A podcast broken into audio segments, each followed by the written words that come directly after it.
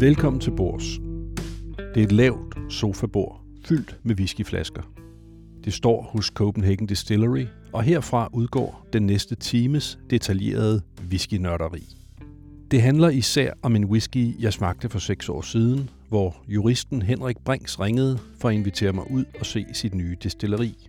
Det var en ganske lille operation, indrettet i det gamle Bryggergården, et bryghus og destilleri i Kastrup fra 1700-tallet, som senere blev nedlagt. Henrik Brinks og vennen Lasse havde længe gået og drømt om at åbne et destilleri, og det blev altså til virkelighed der i 2014, hvor det i begyndelsen kun var Henrik, som arbejdede fuldtid. I dag er der adskillige medarbejdere, og Lasse er kommet med på fuld tid i rollen som Master Distiller. Jeg bliver noget forbløffet over, hvor stort destilleriet er blevet, som jeg træder ind i den 1000 kvadratmeter store hal. Hold nu op, hvor er det blevet stort. Er der sket lidt siden du, øh, siden du så det sidste? Ja, det er seks år siden. Det er helt vildt som tiden Det går, kunne have været nede i hjørnet, og du stod inde i sådan et øh, glasbur, Ja, ja. hvor du havde et lille anlæg til 25 liter. Var det det? Og var det, der havde noget? jeg, det havde jeg på det tidspunkt. Der, havde jeg, der stod jeg med den der 300 liters øh, hvad hedder det, apparatet der, som, øh, som jeg fik lavet, fik lavet af en, af en, af en smed nede i Tyskland. Ja. Efter eget, eget design. Inspireret af det andet lille apparat, der står til venstre for. Som rent faktisk var det, som Lasse og jeg startede med. Det stod vi nede i kælderen og stod og hyggede os med. Det der? Ja, ja. Så Okay. det var der, det hele startede. ja. Det er seks år siden. Så øh, der er sket lidt. Så det er gået på pension? Ja, nu står de og hygger sig i udstillingen. Ikke? Nu har de udtjent sin værnepligt. Ikke? Det lille Ja. ja. apparat øh, legede vi med og, og, og, og fik noget erfaring med. Og så brugte vi faktisk det som inspiration til at få lavet det nye, det store. Du kan se, der er en vis, vis lighed i opbygningen. Oh, ja. Vi fandt ud af, at det kørte sgu egentlig meget godt, det der, og, og, og selve konstruktionen var faktisk ret god. Ja. Og så fik vi så, så, fik vi så opgraderet det til, til en 300 liters. Og det var det, du så Ja. ude i ude i destilleriet for seks år siden. Det der. Den øh, Ja. dejlige, kolde, kolde vinteraften. Ja, det var iskoldt. Det var pissekoldt. Ja, Så, øh, og nu er vi så kommet ud her, så vi rykket fra Bryggergården, 120 kvadratmeter, og så er vi så rykket herud på Købermarken. Det, som virksomheden har haft succes med, er blandt andet gin, snaps og likør, som Henrik Brinks har haft så travlt med, at whiskyen indtil nu har måttet vente.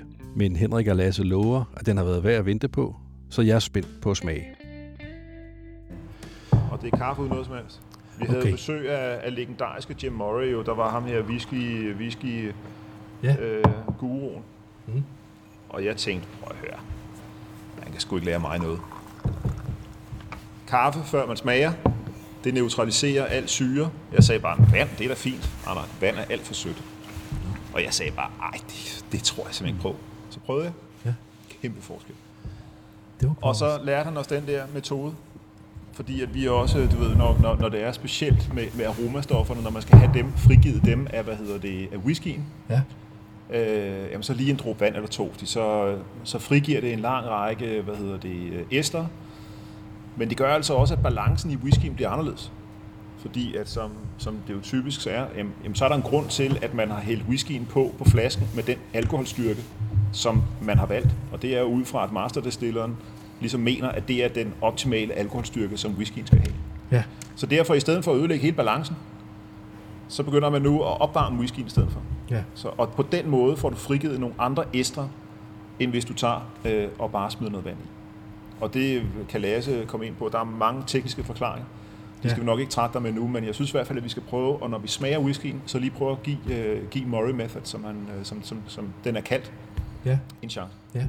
Så vi starter altså med, med kaffen. Vi starter simpelthen med kaffe. Ja. Ja. En hver whisky-smagning starter altid med en sort kaffe.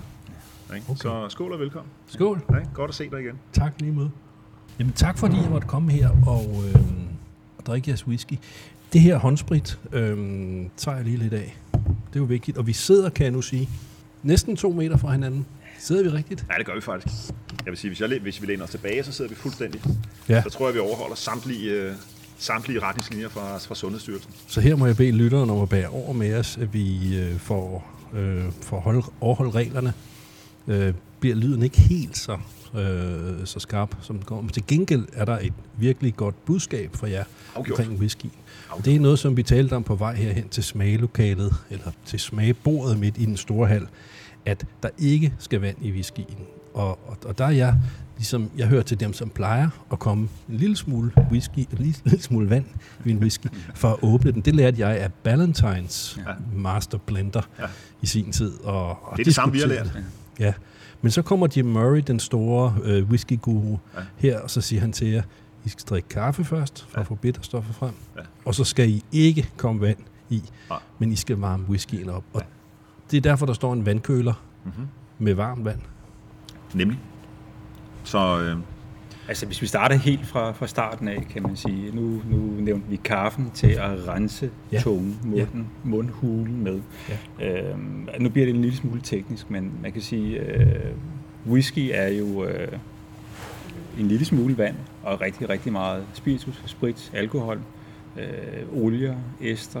Øh, nogle af tingene er vandopløselige, nogle af tingene er ikke, og det er også derfor, man en gang imellem filtrerer, koldfiltrerer, for at der ikke skal komme de her udfældninger ud øh, under transport og så videre, når flasken står på hylden, mm. hvis den står kølig.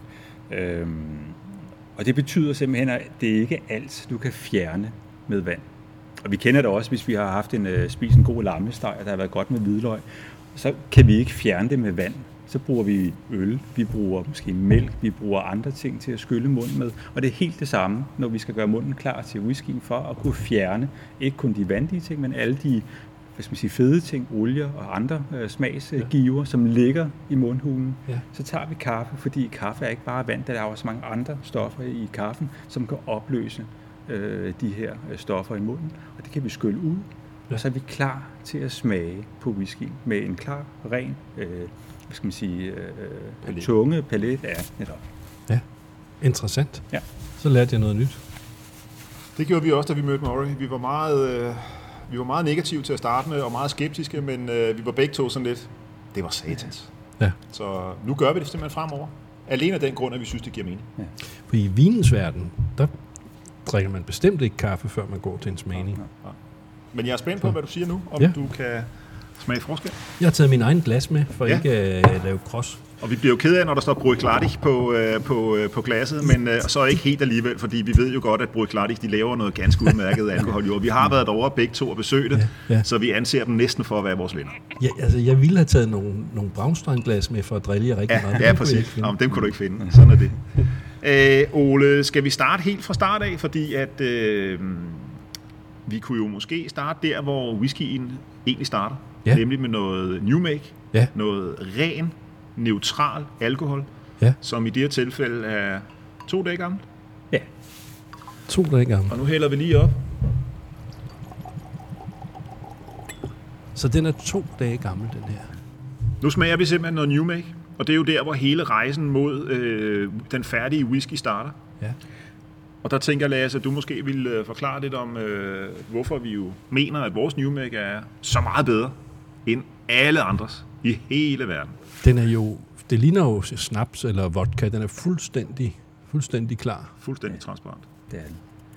Altså man kan sige, øh, den måde, som vi øh, producerer øh, vores new make på, øh, i bund og grund er det jo nøjagtigt de samme traditioner og principper som alle andre destillerier.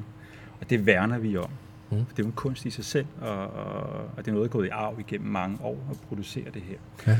Men alligevel så har vi jo taget hver enkelt delelement, øh, trin, øh, step i processen, og så har vi optimeret den, øh, raffineret den øh, til at til netop at give den profil, som du får lov til at smage her om øh, to sekunder.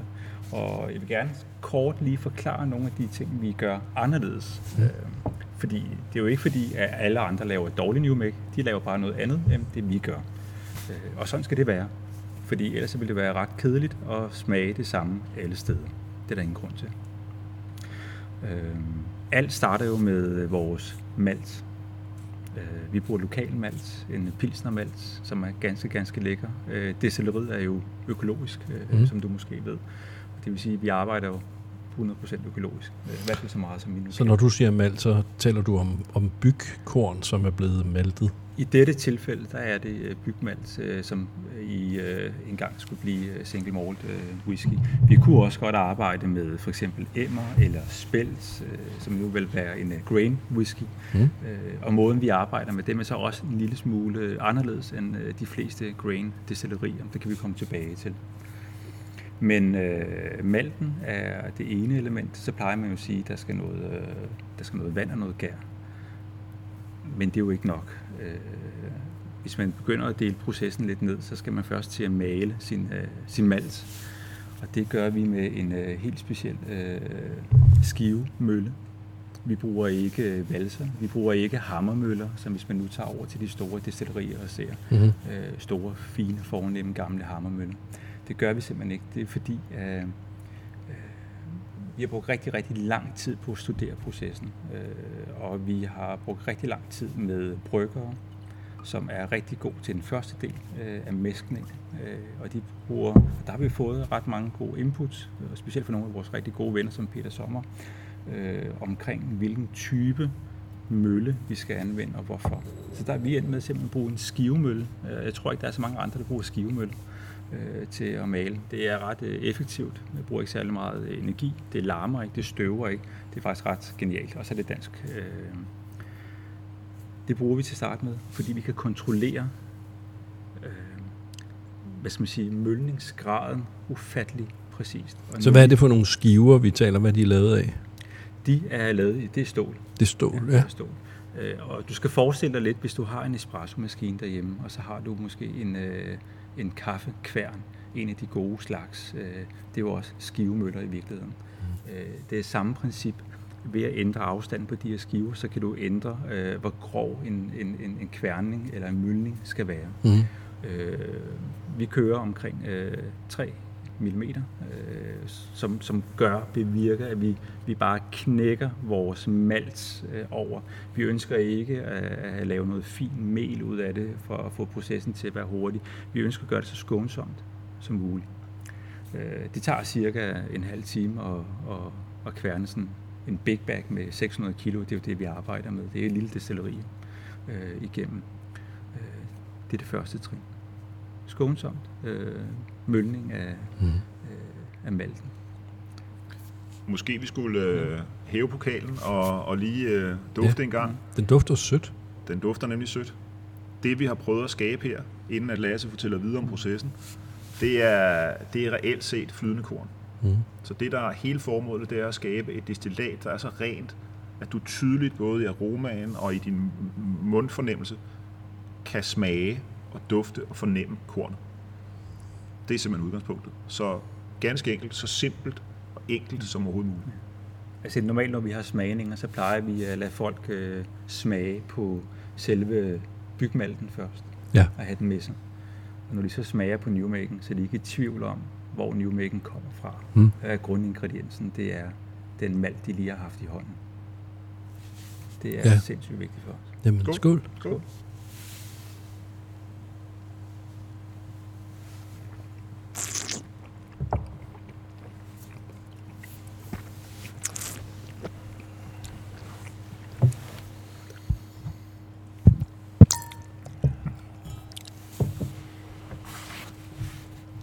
Den sødmen, den følger med over, så den meget behagelig rundt, synes jeg.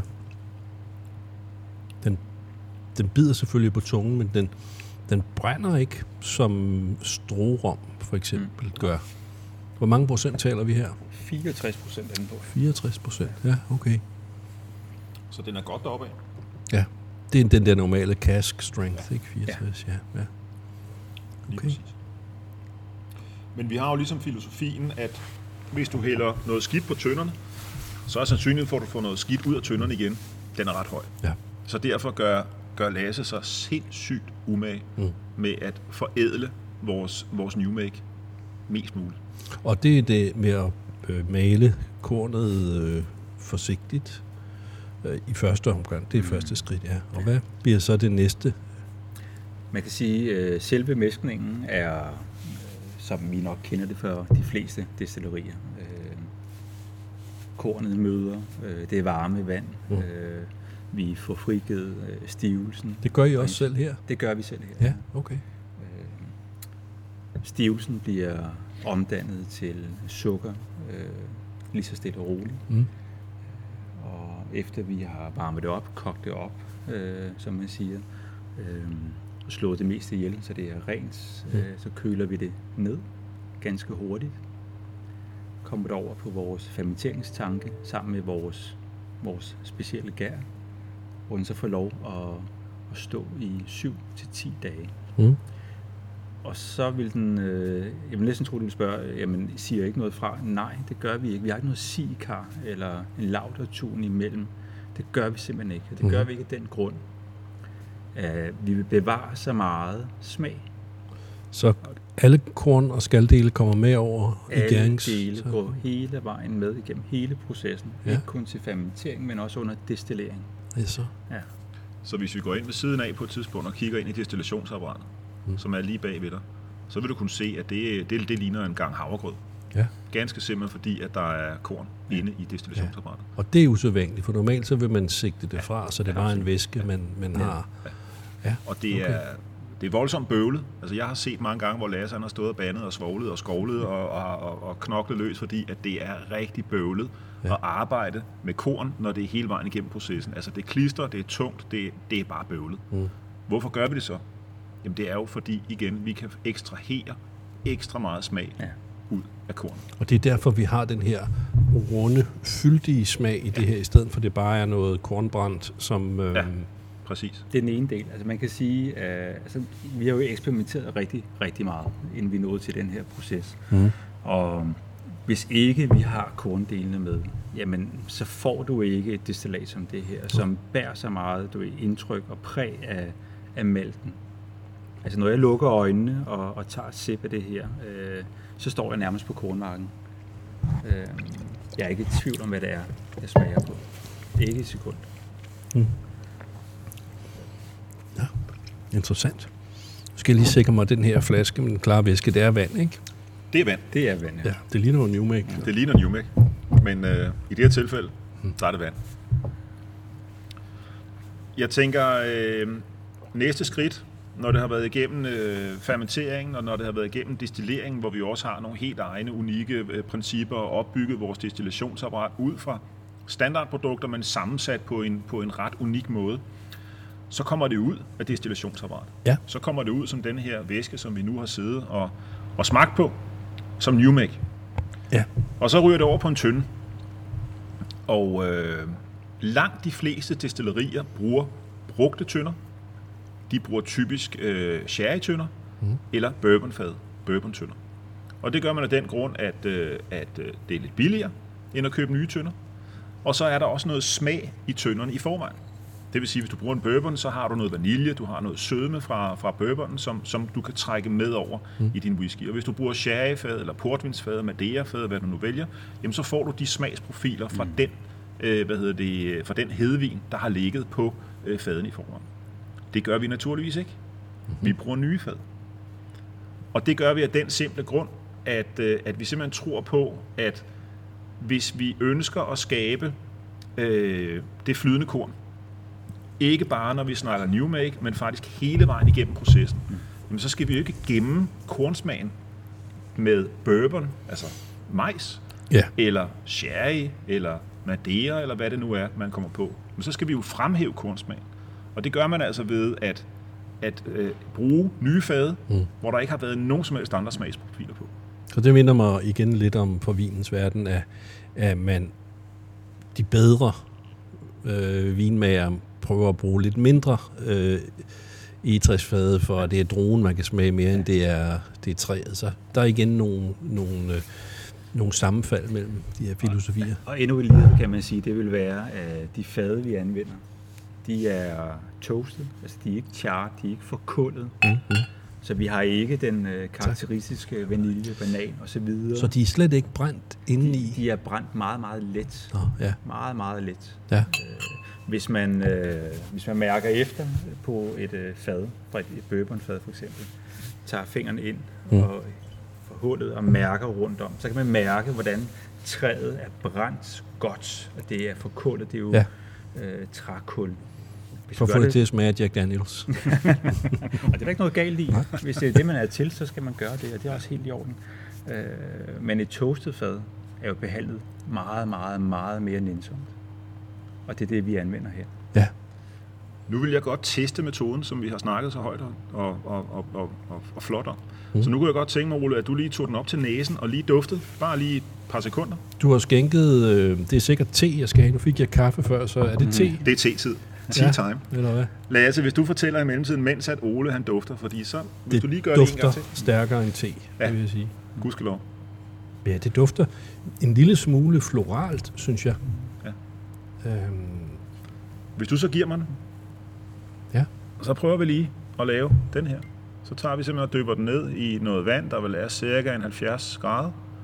Og så varmer vi forsigtigt whiskyen op. Og det jeg personligt selv synes, der giver den største forskel, det er faktisk, øh, hvad hedder det, på aroma-delen. Mm. Så når jeg dufter, så får jeg nogle helt andre aromastoffer ud af whiskyen, efter den er blevet varmet op, Ja. i forhold til før den er blevet varmet op. Og nu fører du mig igen tilbage til nogle sammenligninger. Øhm, I Spanien, hvor jeg fik en brandy for mange år siden, mm. hvor de tog det her glas, og så ja. Ja. holdt de det over en flamme. Ja. Ja. Og siden har jeg ledet meget af det, fordi det var dog det mest forfærdelige, man kunne ja. forestille sig, at de varmer den op. Og det er det, I gør nu. Det er det, vi gør nu. Men det er vigtigt her, at du ikke rører rundt glassen, svøvler det rundt. Øh, Det er vigtigt, at den bare får lov at ligge. Øh, De spritdampe, der er, og det vil der automatisk komme, når vi varmer det op, de vil forsvinde ret hurtigt, men Ja. aromastofferne vil følge efter meget hurtigt. Mm-hmm. Det er Og du vil, øh, du vil opleve, at Ja, for den er er noget. meget mere fyldig nu. Præcis. netop Og den er mere afrundet. Ja. Ej, hvor er det sjovt. Altså for os var det en kæmpe, kæmpe op- oplevelse. Jeg, jeg tænkte, det kan ikke være rigtigt. Altså, der kan ikke. Nej. være så stor forskel Nej. på det. Og, og, og en, af de, en af de profiler, en af de æster, som jeg fik øje på i, i, i den whisky, som vi jo har duftet rigtig, rigtig, rigtig mange gange, det er den æster, som, som skaber den her lidt bubblegum-agtige Ja, øh, hvad hedder det, fornemmelse. ja, Den har, bobber. jeg, den har jeg aldrig nogensinde fundet før. Og da jeg varmede den op, Mm. mm. så var den der lige med det samme. Så hvor mange grader skal det op til? Omkring hvad? 40? 50? Ja, ja. Det, altså mere end stuetemperatur. Det må gerne være øh, go- godt varm. Jeg tror, at hvis man spørger Jim, så vil han sige, øh, hold glasset øh, ind til hjertet. Øh, så han vil nok sige 37 grader, øh, eller 32, som det nok vil være. Men, men, men øh, altså, det gør ikke noget, at det bliver varmt. Øh, det gør ikke noget, at det bliver 40 grader. Bare lad den stå, lad den hvile, og lad spritdampene forsvinde Mm. de stærke dampe, og så kommer æsterne helt automatisk øh, i halen. Ja. Og så det, som man sagde, hold for guds skyld glasset stille, og stille og roligt hen til næsen. Mm-hmm. Ikke noget med at slynge det Ikke rundt. noget med at slynge rundt, fordi så får du igen alkoholen op, og det er ikke alkoholen, du vil have, fordi det, Ja. det bider i næsen. Ja. Ja. Det er æsterne, du gerne vil have, Ja, og de frigiver sig stille og roligt. Så, så når jeg dufter til den øh, varm i forhold til kold, jamen så får jeg, som du selv har været inde på, meget blidere, meget mere aromatisk, meget mere afrundet og meget mere kompleks øh, Mm. aromaprofil. ja, Den åbner sig på en helt anden måde. Altså for mig er det som nat og dag nærmest. ja, det er virkelig interessant. Skal vi så til at have whiskyskabe øh, på 32 grader, hvor flaskerne står inden før vi drikker? Ja, det er jo lige før, man skulle lave en lille, ikke bare en cigarhumidor, men en whiskyhumidor. Ja, ja. Så hvis man bare husker at sætte proppen på, for ellers så fordamper hele lortet. Så, men det er ikke løgn. Det vil, man, øh, det vil ikke være, det vil ikke være nogen dum idé. Skal vi ikke smage? Skal vi ikke smage? Jo. Skål. Skål. Og velkommen endnu en gang. Tak. Og fornøjelse i disse coronatider.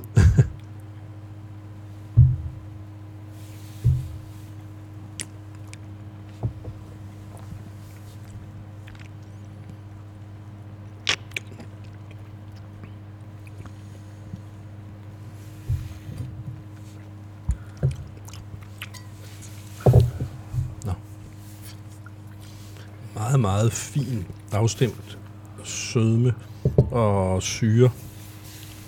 Der er den balancerer rigtig flot. Hvad er det, vi drikker? Det vi drikker, det er en et år gammel New Make. Ja, Et så år det er den samme som den klare, vi drak her. Ja, den har ligget et år på på på de her 100 liters let toastede fade. let toasted virgin fad. meget elegant. Så Den, den, er jo, den er jo, som man godt kan drikke den nu. Ja, absolut. Altså til blindsmagninger, som vi har haft her. Vi er stille og roligt begyndt at åbne for, for ganske få blindsmagninger, når vi snakker, eller for smagninger, når vi snakker, hvad hedder det, whisky. Mm. Og der har vi haft et par whiskyklubber over, blandt andet en fra Sverige. Og der sagde vi, at vi har jo nogle forskellige øh, sorter, og, og vi fortalte ikke noget som helst om alderen. Og da vi præsenterede den her, jamen, så, blev den, så blev den estimeret til at være et sted mellem 6 til 10 år. Ja. Og den var altså på det tidspunkt, der var den 9 måneder gammel.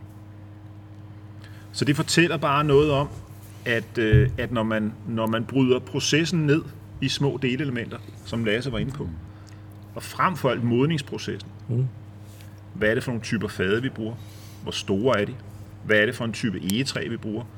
Øh, hvordan bliver de placeret i destilleriet? Bliver de placeret højt, lavt? Ja. Står de inde i, inde i destilleriet, som, som de gør her, eller står de ude i et warehouse? Temperatur, luftfugtighed. Hvor varmt har den her stået, den her et år? Jamen det der er jo et af de, en af de unikke ting ved destilleriet her, det er, at vi jo har fået tilladelse til at, at opbevare tønder i destillationsrummet Nå, for at udnytte både varme og fugt. ja.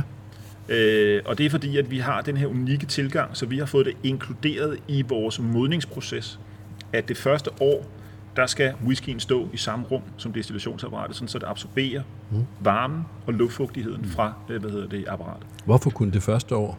Det er fordi, at, at øh, dels, så har vi, dels så har vi en limit på, vi har en begrænsning på, hvor mange tønder vi må have inde i, des, inde i destilleriet. Mm.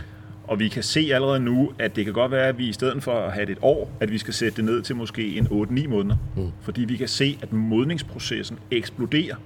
Okay, Det ja. afgiver så mange smags- og duftstoffer. Ja. Det er også derfor, at du siger, at jamen, det var da sgu da utroligt så afrundet og aromatisk den er ja. og den er kun et år gammel. Mm. Men det er simpelthen fordi, at den, den proces, som vi har udviklet, jamen den, den øh, om man så må sige, øh, ekspresmodner whiskyen i en helt vanvittig grad, som gør, at, at allerede efter en, et, et sted med 8-10 måneder, afhængig af fadets beskaffenhed, jamen så kan vi faktisk se, at så skal vi begynde at flytte det over til et almindeligt warehouse, mm. hvor der er koldere, hvor luftfugtigheden er anderledes, og hvor de står i, i en anden højde end her, fordi ellers så ville vores whisky simpelthen blive færdig før tid. ja. Og, og den skal ligge fire år, før jeg må kalde den whisky, ikke? Tre år. Tre år. I tre år? Tre Okay, år, ja. Man kan sige, at temperaturen inde i destilleriet, øh, i hjertet af destilleriet, den øh, svinger ret meget. Hvis vi går derind nu, så er der nok cirka 30 grader, når det hele kører. Nå, Okay. okay. vi både mesker og destillerer. Øh, om aftenen, der falder temperaturen. Næste dag, når vi går i gang igen med at meske og destillere, så stiger temperaturen igen. Mm. Og det betyder, at væsken inde i fadene udvider sig, Mm. trænger ind i fadet. Om aftenen, så trækker det sig sammen igen og trækker mange af de her smagsnoter, som fadet bidrager med, ind i whiskyen. Ja. Det går simpelthen så stærkt. I forhold til bare at have det i et warehouse, hvor det står ved 12 grader Ja. øh, i mange, mange år. Der har er du så... Bare, Øh, men så har du også i Skotland for eksempel, ja. At det bliver varmt og koldt, men det er sådan hver halve år, det skifter Ja. der. Okay. Her der er det jo nærmest en daglig, en daglig fluktuering af hvad hedder det, luftfugtighed Ja. og, og frem for alt temperatur. Ja, ja, Og det kan man bare smage. ja. Og husk på igen, det er nye fade, det er virgin fade. Mm. Der er ikke noget, der er ikke nogen smagsgiver Nej, andet. hvad, er det for noget træ? Det er ungarsk E. Ungarsk E, ja. Hvid, hvid E. Hvid E, ja. ja. Okay. Hvor er Og øh, vi sjovt. kører, lige nu kører vi 100 liters fade. Ja.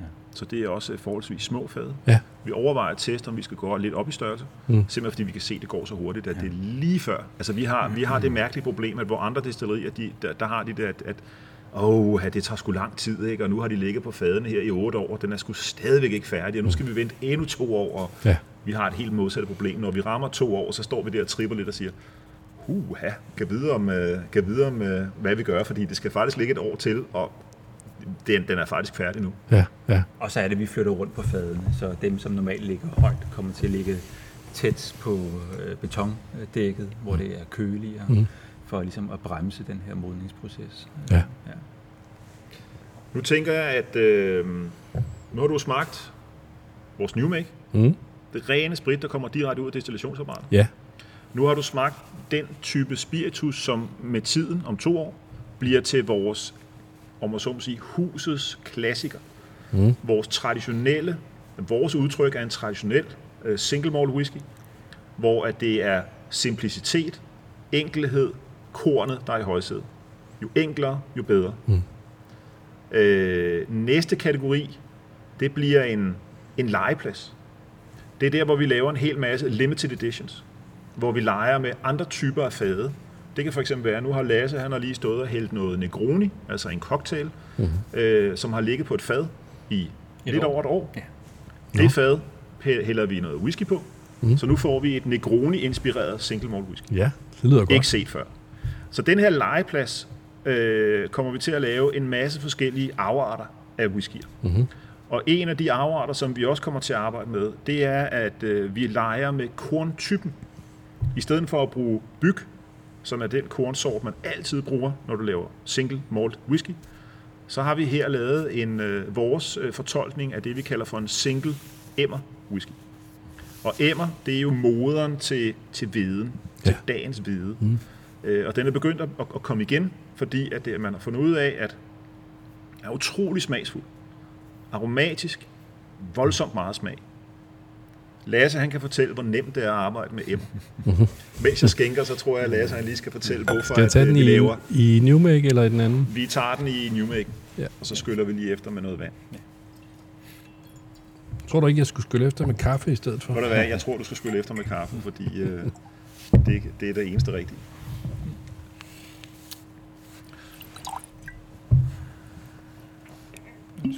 Ja, tak. Emmeren er jo en, øh, en hvide sort, moder hvide, ja. som vi kender helt tilbage fra vikingetiden af. Øh, ja, det var det, de bagte brød af, før de, begyndte med ro. Det er fuldstændig rigtigt. Det smager fantastisk. Det dufter fantastisk. Det er bare forfærdeligt arbejde. No. Øh, hvide. Øh, Ligner det hvede, når det står på marken med de der pigge op? Eller? Ja, men den har ikke nær så mange... Stjæler de glas igen. Ja. Øh, ikke nær så mange øh, korn på, på, på aksen. Øh, men, men det specielle med emmeren, og grund til, at man er gået væk fra den, øh, er jo, at hvis man kigger på selve korndelen, den fylder jo nærmest en tredjedel i forhold til, hvad vi ellers kender. Ja. Den er meget, meget, meget lille, og der er rigtig, rigtig meget skaldele, og det er forfærdeligt at arbejde med. Øh, og det betyder, at ens udbytte er øh, ufattelig ringe. Øh, de maskiner, som er hvad skal man sige, lavet til single malt, vi skal arbejde med, øh, med bygmalt, kan næsten ikke klare at arbejde med, med emmeren. Øh, det er faktisk sådan, at når jeg mesker, så bliver jeg nødt til at kravle op på toppen af meskekarret. Det er altså så 2.500 liter, jeg står og mesker i gangen. Og så står jeg manuelt og får gang i øh, mesken øh, med en stor ske. Altså det ligner nærmest nissefar med, med, med risengrøden. øhm, fordi at moseren kan simpelthen ikke klare øh, på, på omrøren, kan simpelthen ikke klare at arbejde med emmer. Ja. Så det er noget, der tager tid. Øh, det er hårdt at arbejde med. Altså, mm-hmm. Og vi arbejder med det i kampagner af samme årsag. Fordi, kampagner? Altså, vi, vi, vi kører i uh, en måned eller to, hvor vi kun laver emmer. Nå, no, ja. Og så holder vi en pause, hvor vi så kan arbejde med bygmalt og slappe af igen, øh, hvor maskinerne ligesom kan tage lidt over og, og hjælpe. Mm. Men, øh, men emmeren, den, øh, den er svær at arbejde med, men øh, det, er, det er alle pengene værd. Nu snart, starter vi med at smage en, der er øh, fra den 24. i 4. sidste år. Så det vil sige, at den er også øh, lige knap et år. Og så bagefter, så får du som den første overhovedet lov til at smage den whisky, som vi kommer til at lancere her til efteråret. Mm-hmm. Som er en færdig whisky. Og det er efter vores øh, viden en af de absolut få rene emmer whiskyer, der er blevet lanceret. Ja så får du fornemmelsen af, hvad der sker på tre år. Fordi den her, som vi smager nu, den er knap et år. Den, vi kommer til at smage lige om lidt, den er lidt over tre år gammel. Den her emmer, den smager sådan lidt krydret, gør den ikke? Emmeren smager bare af mere. Øh, ja. Det er sådan, at vi arbejder jo med forskellige kornsorter. Vi har prøvet med spelt, med emmer, med, med bygmalt. Øh, kommer igennem den samme kværn, kommer igennem den samme mæskekar bliver fermenteret med samme gær under samme forhold. Men når man sammenligner det destillat, vi får ud, når vi destillerer, så er det tre vidt forskellige hvide spiritus, der kommer ud. Ja. Emmeren er virkelig fyldt, har rigtig meget sødme, øh, krydret. Øh, den har så meget mere at byde på. Ja. Den er bare sindssygt svær at arbejde med. okay. For at sige liv, det er noget lort. Ja. det er rigtig lort. Hvordan fandt de på at lave whisky på det? Jamen, det var egentlig min idé. Jeg havde jo en, jeg havde en kongstanke om, at, øh, at, at vi skulle lave en, en whisky-serie, som vi kalder for Urkraft, som jo øh, fokuserede på de gamle kornsorter. Mm. Og det skulle i, i mit hoved være emmer, det skulle være enkorn eller egenkorn og spelt. Det er ligesom de tre klassiske ur, urkornsorter. Ja. Og, øh, og vi nåede sådan set kun til, til emmeren og til spelten. Så Nå. kunne jeg godt se på uh, Lasse Fars ansigtsudtryk, at det var sgu nok ikke lige det, vi skulle fortsætte med, i hvert fald ikke lige her nu. Netop af samme grund, at, at, at vores maskineri var slet ikke gearet til, til den kornsort, og, øh, og det var alt for bøvlet at arbejde med. Mm. Så nu har vi lavet øh, nogle solide mængder øh, emmer, og vi har lavet nogle solide mængder spelt, som vi kommer til at lancere ind i vores legegård, rød stue, blå stue, hvad vi vælger at mm. kalde det for, som bliver vores limited editions, som vi kommer til at lancere et hav af, og som øh, bliver helt ned til emmer, vi skal smage nu her om lidt, den har vi været 37 flasker i. Ja. Så når vi siger limited edition i Copenhagen Distillery, så mm. mener vi virkelig limited ja. edition. Ja, ja. Så, men det er det, alle synes, der er sjovt. Når du er whisky aficionado, whisky-nørd, og, og du elsker det specielle, det anderledes, jamen så vil det jo være fantastisk at være en af de heldige, der får, der får fingre i en ud af 37 flasker. Mm-hmm. Der kommer ikke flere af den type. Hvad kommer den til at koste? Det har vi ikke besluttet os for endnu, men det bliver ikke, det bliver ikke, vi er ikke det billigste destilleri. Lad os bare sige det sådan. Det bliver flere hundrede kroner? Det bliver mange, det bliver flere tusind kroner. Så den whisky, som vi slutter dagen af med, den har vi jo sat til salg for den famøse pris af 26 euro per centiliter. ja. Fordi at vi jo øh, vi har lanceret den. Der står på bordet en flaske fra Holmegård, som er håndlavet. Og øh, håndlavede flasker fra... Karaffen? Lige præcis, ja. ja. Øh, og den har vi besluttet os for at, øh, at lancere vores, øh, vores første whisky i. Og øh, da Lasse stod om aftenen før at vi skulle lancere den, så, så kiggede han lidt på flaskerne og sagde, det var da mærkeligt, de har, de har jo forskellige højde. Og så kiggede vi lidt på hinanden og sagde, ja, kan vide, om vi lige skulle undersøge, om der rent faktisk er 35 centiliter i flasken, som vi havde troet, der var. Mm. Det var der ikke. No. Det svingede fra den mindste, var vist nok 19 centiliter, og den største, den var på omkring en 38-39 centiliter. Nå, no. okay. Øh, så vi blev nødt til at sælge det per centiliter, i stedet for per flaske. Ja, men, ja, ja. Og prisen er som sagt 26 euro, så øh, nej, det er ikke øh, den billigste single malt whisky nogensinde lanceret i Danmark. Da jeg så den før, der tænkte jeg, det der det er sådan en, en antik en, ja. en gammel... Øh, det er det ikke. Nej, okay. Håndlaget til lejligheden. Ja. ja. Nu skal vi smage øh, vores, øh, vores næste, øh, hvad hedder det, øh, vores næste øh, lancering. Og det er den, vi kalder for Single Malted Emmer Whisky. Og den er... Den er faktisk... Øh, ja, hvis vi havde ventet to måneder mere, så havde den været fire år. Hold da Ja. Øh, det specielle ved, øh, når vi arbejder med emmer eller med spelt eller andre korntyper, det er, at vi tilsætter ikke... Altså normalt når du laver grain whisky, så tilsætter du mange gange bygmalt for at få enzymerne derfra, og også have noget at arbejde mm-hmm. med. Det gør vi ikke. Vi arbejder med de rene kornsorter, og vi okay. arbejder med rene maltet kornsorter. Mm. Så det er ren maltet tak. emmer med de naturlige enzymer, der er i, og intet andet. Denne her emmer er lidt speciel, fordi at den er lavet ude i Bryggergården, som var det gamle destilleri. Øh, og der havde vi ikke særlig meget plads, og vi havde heller ikke nogen øh, mæsknings- og fermenteringsmuligheder. Så øh, da jeg skulle have lavet mesken til den her emmer, øh, så tog jeg simpelthen fat i, øh, i Per Kølster, som jo er kendt øh, brygger, og som arbejder med økologi. Øh, og jeg vidste, at han havde sit eget lille malteri oppe øh, i, ved årstiden, i brygge, ja, ja. Op ved årstiden, ja. Og jeg kontaktede ham og sagde, ved du hvad, jeg har, jeg har sgu planer om at lave en, en emmer whisky. Og jeg har tænkt mig, at du måske kunne være behjælpelig med det. Mm. Og det ville han meget gerne. Så han tog, øh, han tog fat i sin kornleverandør, fik noget emmer hjem, mæskede det, eller undskyld, hvad hedder det, maltede det for os, og så lavede han simpelthen mæsken til os. Så det her, øh, den her whisky, som vi skal smage nu, den er simpelthen øh, baseret på, på Per Kølsters øh, sikre hånd ude i, øh, ude i ølbrygning. Så øh, hvis den ikke smager godt, så er det altså Per Kølsters skyld. Men den har, jeg tror, hvis jeg fik den blind, så ville jeg sige, hmm, den har ligget på noget Amontillado-fad eller noget, ikke? Rent fad. Ikke noget som helst. Ja. Så det viser bare, hvor meget smag, øh, når man tænker sig om, hvor meget smag man kan få ud af et helt neutralt fad. Ja. Hvis du forstår at arbejde med træet, og hvis du forstår at arbejde med, hvordan og hvorledes, at, at fadene skal ligge, placeringen af dem igen, øh, hvad er det for nogle omgivelser, som fadet ligger, ligger under, mm. så har du alle muligheder i verden for at få noget, der er helt unikt. Skål. Skål.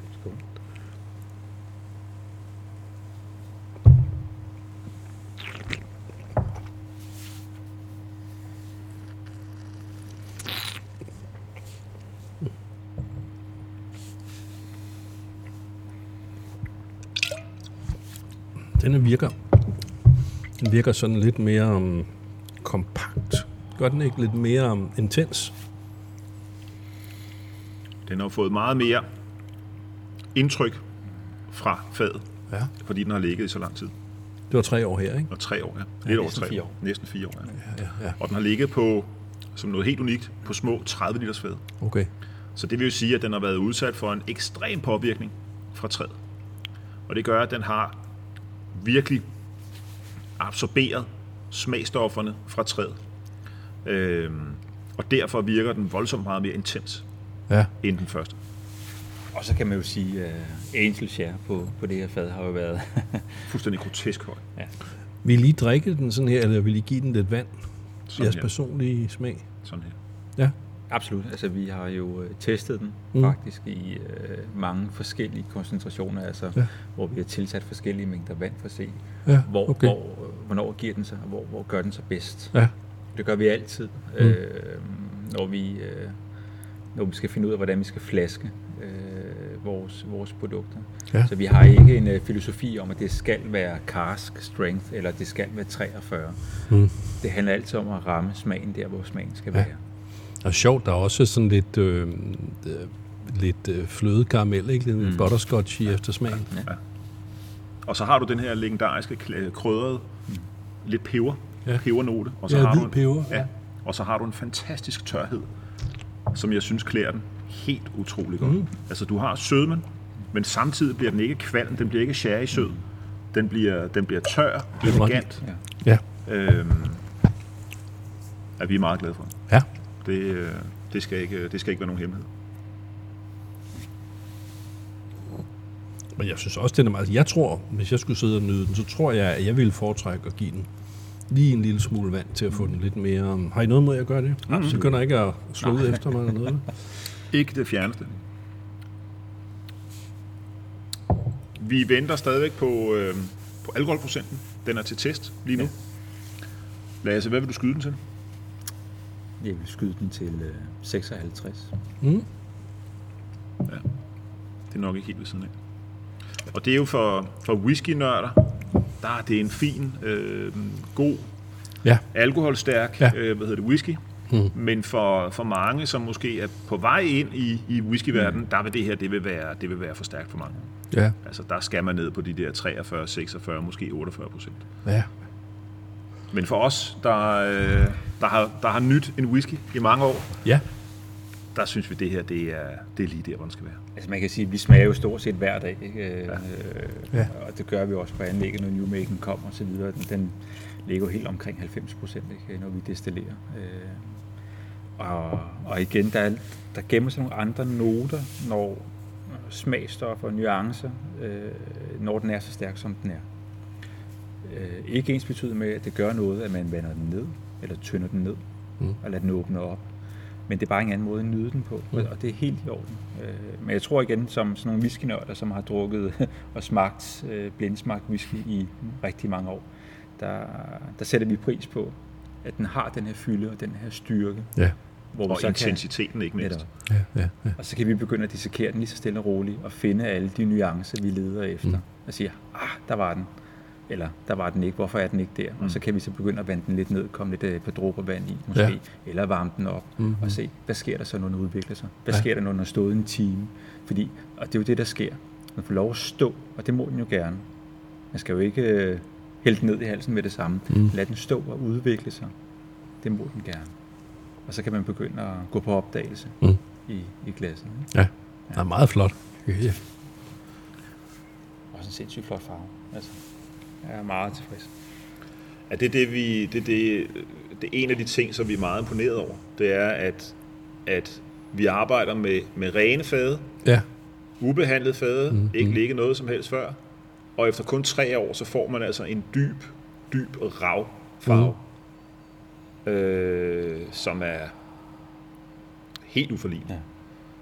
Men jeg vil Det sige, kan stadigvæk overraske mig, Jeg vil at sige, træet at kan den- give den- så meget farve. Ja, ja. Men det, jeg, jeg tror igen, hvis jeg fik den blind, ville jeg, jeg ville tro, der var nogle urter eller et eller andet inden over den, ikke? Ja. fordi den har så meget... Kompleksitet i sig. Ja, ja, og sådan nærmest sådan et tanninpræg, ikke? Ja. Nej, hvor sjovt. Skal jeg lige se, hvordan min batteri har det her.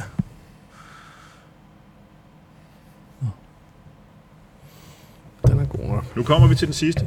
Ja. Og øh, det er jo den, som du kender. Det er jo Oles. Oles whisky nærmest.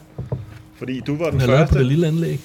Det var, det var lavet på den lille anlæg, ja. Ja. Øh, det var den, du smagte, hvad hedder det, prototypen på, da du var ude i destilleriet første gang. Ja. Hin 6, 6 år siden. Ja. Og, øh, og Hvor- den er jo nu blevet taget videre og blev destilleret på, på det 300 liters anlæg, som vi startede med at, at kigge på, da du kom ind Ja. ad døren. Ja. Og øh, så har den ellers ligget på små 30 liters fade. Den har været rigtig længe undervejs. Den har været rigtig længe undervejs. Den har været, ja, både og. Den har været 3,5 år undervejs. Og så har den faktisk stået og hygget sig på en ståltang. Fordi at vi lige skulle finde ud af, hvilken flaske skulle vi smide den på, og hvornår skulle vi lancere den, osv. Mm-hmm. Så, øh, så 3,5 år har den ligget og lavet. Og den whisky, du skal smage nu... Tænk på, skulle jeg tage den i det Ja, her det glas? synes jeg, det synes jeg, du skal. Øh, Ja. Det synes jeg, du skal. Den whisky, du skal smage nu, det er jo, det er jo den sidste. Vi arbejder ligesom med tre ben i destilleriet. Vi arbejder med den enkle whisky, som er flydende korn. Mm. Så arbejder vi med legepladsen. Alle vores limited editions, som kommer til at være ret og kravl af alle mulige sjove indfald, som vi får. Det kan være emmeren, det kan være whisky lagret på Negroni-fadet, det kan være whisky lagret på, på øh, et af vores øh, akvavit-fade. Vi har rigtig mange idéer. Mm. Den sidste kategori, det er vores ekstreme version. Det er modpolen til vores simple whisky, til vores enkle whisky. Så, så, så modpolen er ekstremernes variant. Det er høj alkoholprocent, mm. det er masser af spark i, i, i aromaen, det er en fylde, en kropsfylde, en mundfylde, der er helt ekstraordinær. Mm. Det, er, det er en eksplosion af smagsnoter, en kompleksitet, der er voldsom, og så en eftersmag, der stort set bare bliver ved. Så det er, det er, det er lidt ligesom i gamle dage, hvor man havde en equalizer på, på sit lille stereoanlæg, Ja. og hvor man altid sad og fedtede lidt op og ned og så videre, og så videre. Og det endte altid med, at man sagde fuck it, og så tog man alle palene helt op, og så gav du den maks gas på Ja. alle parametre. Ja. Det er reelt set det, vi har gjort her. Ja. Så det er modpolen til den simple whisky. Og her vil du, øh, her vil du opleve, det, det der har været udgangspunktet, det har været Danmark på flaske. Mm. Øh, det har været mit pejlepunkt. Øh, det har været at, at arbejde med at prøve at få de danske, danske smagsnoter ind i whiskyen. Og øh, som du måske kan fornemme, så er et af de områder, som, som, som jeg har arbejdet allermest med, det er røgprofilen. Jeg har prøvet at arbejde ud fra en definition eller en fortolkning af, hvad er dansk røg. Mm. Fordi at hvis man kigger over mod, øh, mod Skotland, så er de jo verdensmestre i at lave peated smoke, som de kalder det for. Altså det vil sige tørrerøg. Ja. Øh, og det er de helt fantastiske til. Så det er jo ikke en retning, som jeg vil gå. Jeg vil jo gerne lave en single malt whisky, der er røget, men ud fra nogle danske historier, ud fra nogle danske aner. Mm. Og øh, så jeg har brugt ret meget tid på at gå, gå og filosofere over, hvad er dansk røg? Og, øh, og svaret kom relativt hurtigt. Det er jo et øh, Bornholmsk silderøgeri. Ja. Hele den tradition, vi har med at ryge vores varer, ryge sild, ryge, rygeost fra Fyn, jamen hele den røgtradition, tænker jeg, den skal jeg prøve at få ned i min whisky. Så det vil sige, at det er, det er, det er træ i stedet for tørv, mm. og så har vi leget med hele processen, sådan så vi kan få en lille smule af den animalske note, som man ville forestille sig, du ville få, hvis du gik ind i et, i et uh, Bornholmsk silderøgeri Ja. og trak vejret dybt. Ja. Altså, der hænger jo de her nærmest øh, øh, fedtdråber over det hele fra fisken, som jo bare har stået der, du ved, og dryppet ned på gulvet. Ja, ja. Prøve at, at indkapsle den stemning af et Bornholmsk silderøgeri, hvis man kunne få det ned i whiskyen, mm. sammen med, at du havde din equalizer, hvor du havde kørt alle, alle, alle hvad hedder det, indstillinger helt op i top, Ja. så var det der, hvor at, øh, vi ville være nogenlunde sikker havn. Så det har været mit pejlpunkt. Det er en god beskrivelse, jeg kan godt genkende den røde sild her. Ja. Jeg kan genkende fedmen. Du skulle meget gerne få de animalske noter. Det skulle helst ikke være sådan, så du forestiller dig, der ligger en død sild nede i whisky. men, men i hvert fald de animalske noter er dem, som, som jeg synes er utrolig interessante, fordi det giver en kompleksitet, der er helt uovertruffen. Ja. Og det er, det er et unika, fordi der er ingen andre, der har gjort det før. Og både Lasse og mig, vi har altså rundet vores, desværre, whisky nummer 500 for lang tid siden. Mm. Så, så, så ikke, at vi er eksperter, men, men vi har trods alt prøvet en del. Og, og, og med sindsro i sind kan vi nok godt sige, at der er ikke noget som det her derude. Skål. Skål. Jeg er meget spændt på, hvad du siger, Ole. Om du kan genkende den fra næste seks år tilbage.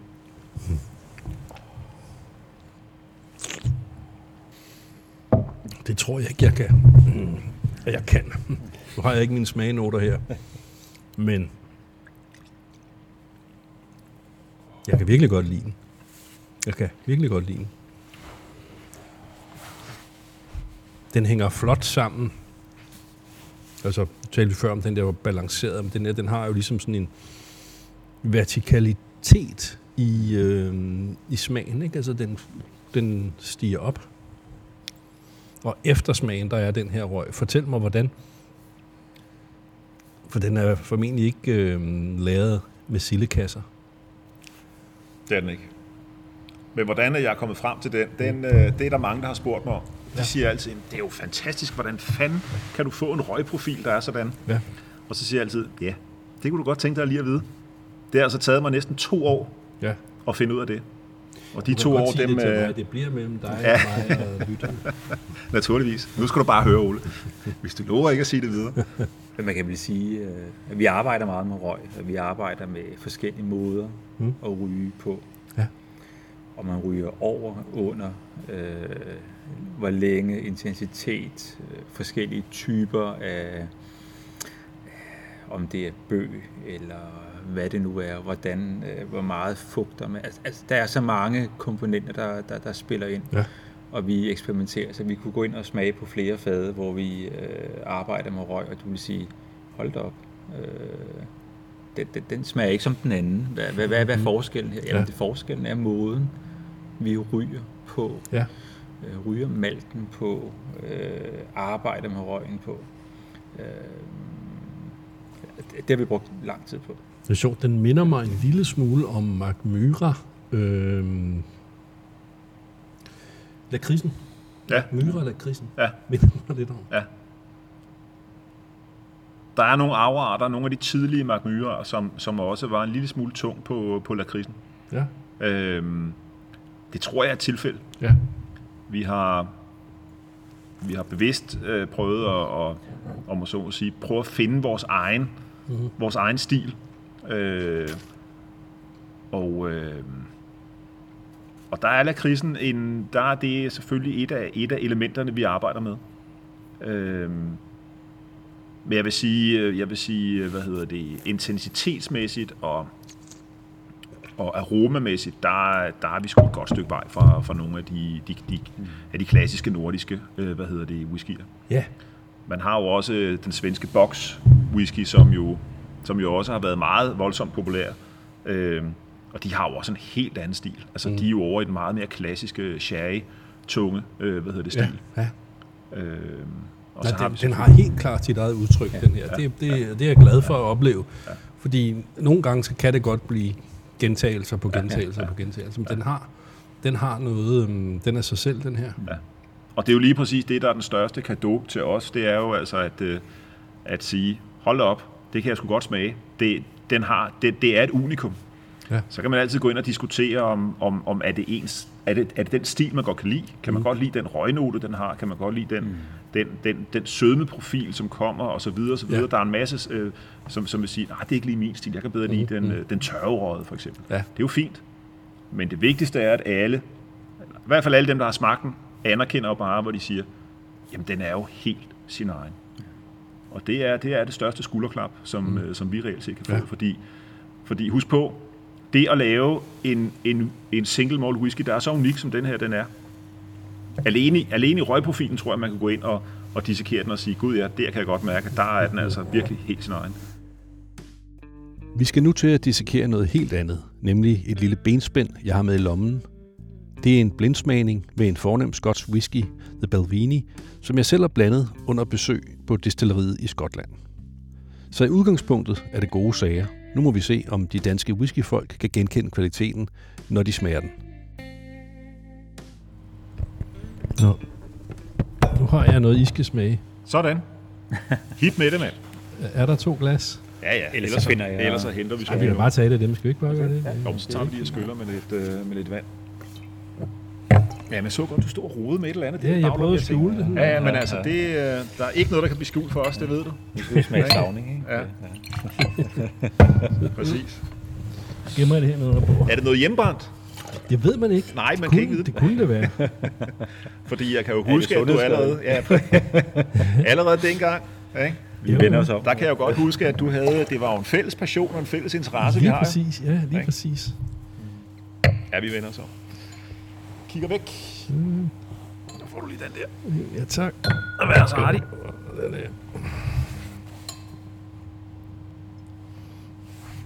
Ja, tak. Så, så tager jeg den her. Jeg ved ikke. Nu ved jeg jo, hvad det er, så... Så tager jeg så lige og hiver den sidste. Det er den der, er det ikke det? Eller var det, eller var det den der? Nej. Nej, det var sgu den der, tror jeg. Er, det, er I allerede blevet øh, forvekslet? Det sker altid Ja, i ja, ja. ikke? Jeg synes bare, den har så mange øh, noter af... Jeg ved ikke, om din har. Det er noget helt andet. Det var det der. Så, er- så er det den der. Ja, Ja, men øh, nu er der altså blevet skænket en blinder Ja. til de her whiskyfolk, fordi jeg vil gerne spørge dem om, hvad er det, Hvad er det? drikker her? Er det noget, jeg har brændt? Er det en klok fra 1939? Det ville være en fornøjelse at prøve at smage det, hvis det var det. er det en stavning? Er det... Ja, ordet er jeres. Tak. Og så er der dyb tavshed. Mm. Den indeholder i hvert fald procenter.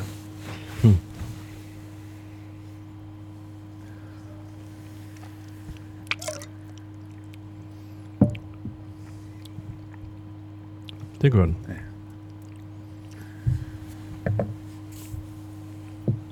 Altså, den har en flot farve. Øh, olier, der hænger fint i glasset, må man sige. Det hænger nok sammen med den høje alkoholprocent. Utrolig flot farve. Meget behagelig næse. ja. God balance i den, ikke?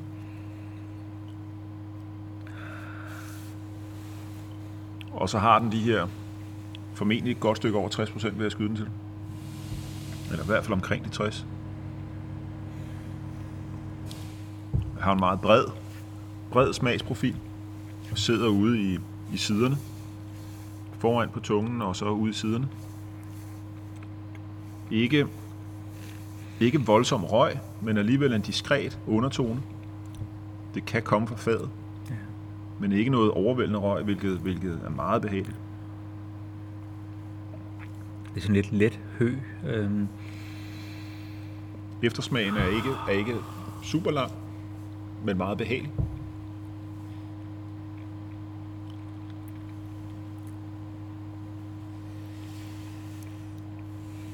Altså jeg vil sige, den skjuler procenterne godt, fordi mm. øh, den, den brænder ikke. Du har ikke den her prikken på tungen, som, øh, som de stærke øh, whiskyer har. Ikke? Meget behagelig. Meget behagelig at drikke. Ja. Og så har den en, en god tørhed. Ja. Den minder faktisk lidt om vores, øh, om vores emmer i tørheden. Mm. Øhm, og det kan selvfølgelig også skyldes øh, ligninen fra, fra, fra hvad hedder det, træet. Men den har, har en god balance mellem, mellem sødmen og så den tørhed, der ligger i, efter, i efternoterne. Meget behagelig whisky. Vi Ingen tvivl om det. kom med et bud på, hvor den er fra. Det er fandme svært. Altså, vi vil jo sidde her og blamere os fuldstændig lige nogle idioter, fordi... Der er jo øh, ingen, der kan gætte de her ting. Det er jo en selskabsleg. Ja, det er det. Øhm, er det noget, du selv har lavet? Jamen, hvis jeg nu svarede på det, så ville jeg jo hjælpe dig på vej. Ja, det er rigtigt. Så jeg er nødt til at være Du er nødt til at være benhård. benhård. Ja. Øh, altså, jeg kan vel næsten, jeg vil næsten skyde den til, altså, den kunne næsten godt være dansk, ikke? Ja, for man sige, at røgen er, er ganske behagelig diskret. Det er ikke øh, den almindelige pitede røg, som vi, vi kender. Øhm, altså, jeg, jeg, jeg får noter af, af, af letbrændt hø. Ja, Øhm, ja. Og jeg vil sige, hvis det er noget, du selv har, har, har brygget, så har du sagt, man gjort det godt. Så er du, øh, så er du godt på vej. Men det er tørheden er, er ekstrem. at Man kan virkelig mærke det, hvordan den kravler rundt omkring ja. øh, i munden, omkring tænderne, gummerne, øh, snurrer sig sammen. Jeg takker, jeg takker for den helt ufortjente tiltro til min evne. Jeg har selv blandet den. Sådan. Fantastisk. The Balluini. Ja. Det er simpelthen Paul Winnie. Men jeg havde så nogle forskellige. Jeg havde øh, Pedro Jimenez, jeg havde Ja. Amontillado, jeg havde en tredje og en fjerde. Fire forskellige Ja, ja. at blande fra. Ja. Så det var så den her, der Ja. ja. blev min. Så, så jeg har været blender, mm. men jeg har altså ikke, Ikke, bare, ikke bare blender, men masterblender, fordi den er, det er godt gået, Ole. Det, vil- det vil jeg skulle sige. Og det vi jo sidder med, det er jo en Balwini, som jo er en af de, af de helt store klassiske skotske single malt whisky destillerier. Øh, som ligger i Dufftown, som jo er hjertet mm. af, hvad hedder det, af, af, af whiskyverden, vil jeg sådan set sige. Øh, og, og det er virkelig en af de store klassikere. Ja. Altså efter min bedste overbevisning, så ligger den, den ligger på højde med, med, med, med Macallan og med Dalmore og med øh, ja, Glenn Morangi, som jo er et af de helt store mm. kendte. Mm. Øh, og der ligger Balwini helt klart i toppen. De har nogle utrolig sjove øh, aftapninger, og de er ikke blege for, efter skotske øh, øh, øh, termer, at lege. Mm. Og det er noget, som, vi, ja. som jeg i hvert fald sætter meget stor pris på. Så øh, Ja, for jeg tror, at folk kender for det meste de her double wood eller triple wood, som, som er på alle hylder i dag. Ja. Men, men de laver faktisk også rigtig mange øh, aftapninger ja. af specielle fade, jamaikanske romfade og hvad ved jeg. Ja. Øh, men altså, du har jo øh, virkelig leget med smagene, kan man sige, fordi det er jo ikke den klassiske øh, Balluini, som man vil selvom det er der, det kommer fra, mm-hmm. de forskellige destillater, du har arbejdet med. Ja. Og du har, men du har ramt en, øh, altså du har både sødme, den er tør, den har en lille smule røg, og alligevel ikke øh, en fin kompleksitet. Øh, ganske, ganske godt gået, vil jeg sige. Ja. Ja, du skulle godt få et arbejde ja. som masterblender. Ja. ja, det var faktisk det, jeg skulle til at spørge om. ja, præcis. Ja, så øh, du er hermed ansat. Det er jo faktisk noget af det absolut sværeste. Altså, det er svært at, det er svært at få, at få sjove, skæve idéer. Det er svært at destillere, men noget af det, der er rigtig svært, det er at, at, at være masterblender. Ja. Hvis du går ud fra, at du skal have den samme kvalitet og den samme smagsprofil fra gang til gang. Det er jo nærmest, altså... Ja, det er virkelig en kunstart, vil jeg sige. Det er ikke bare en, øh, en, øh, en filosofi eller en, øh, en kompetence, man kan tillære sig. Altså, det, er, det er helt... Jeg har stor, stor, stor respekt for masterblender. Og det er igen, hvis jeg endnu en gang må trække vinens verden ind. Ikke? Altså, når man har det der, siger, så er der naturvin, og der har man jo det her spillerum. Og det kan være alt muligt, bare det er ja. interessant. Ja. Men skal du lave den der hvor den sidder der, gang ja. på gang, og det skal være genkendeligt, og den skal, ja, den skal bare være der. Så er det, men så bliver det sådan noget faun, fagnørderi ja. i virkeligheden. Ja. Ja. Jeg kan sige, at i vores verden, der har vi jo selvfølgelig de her single malt øh, whiskyer, men vi har jo også øh, blended malt, altså hvor det er single malt, man blander sammen, øh, og så har vi øh, de famøse øh, blend whiskyer, som er en blanding af grain og, og, og single malt, eller bygmalt og, og, og kornwhiskyer, som giver et helt andet spænd, fordi øh, den klassiske måde at destillere grain whiskyer på, er jo på store kolonner. Du får en meget mere blød, afrundet smag. Øh, og når man så blander det mere kantede single malt med den bløde grain whisky, så kan du skabe noget øh, unikt. Men, men det her med øh, blended malt, hvor du kun har single malt at arbejde med, det er så en svær øh, kategori øh, at, at bevæge sig ind øh, i. Øh, og så selvfølgelig sådan nogen som os, som arbejder med, med med kun det, vi selv producerer. Ikke? Mm. Så, øh, men det der, det, det, Det er godt gået. godt, godt gået. Ja, tak. Det er det sgu. Og tak for skænken. Selv tak.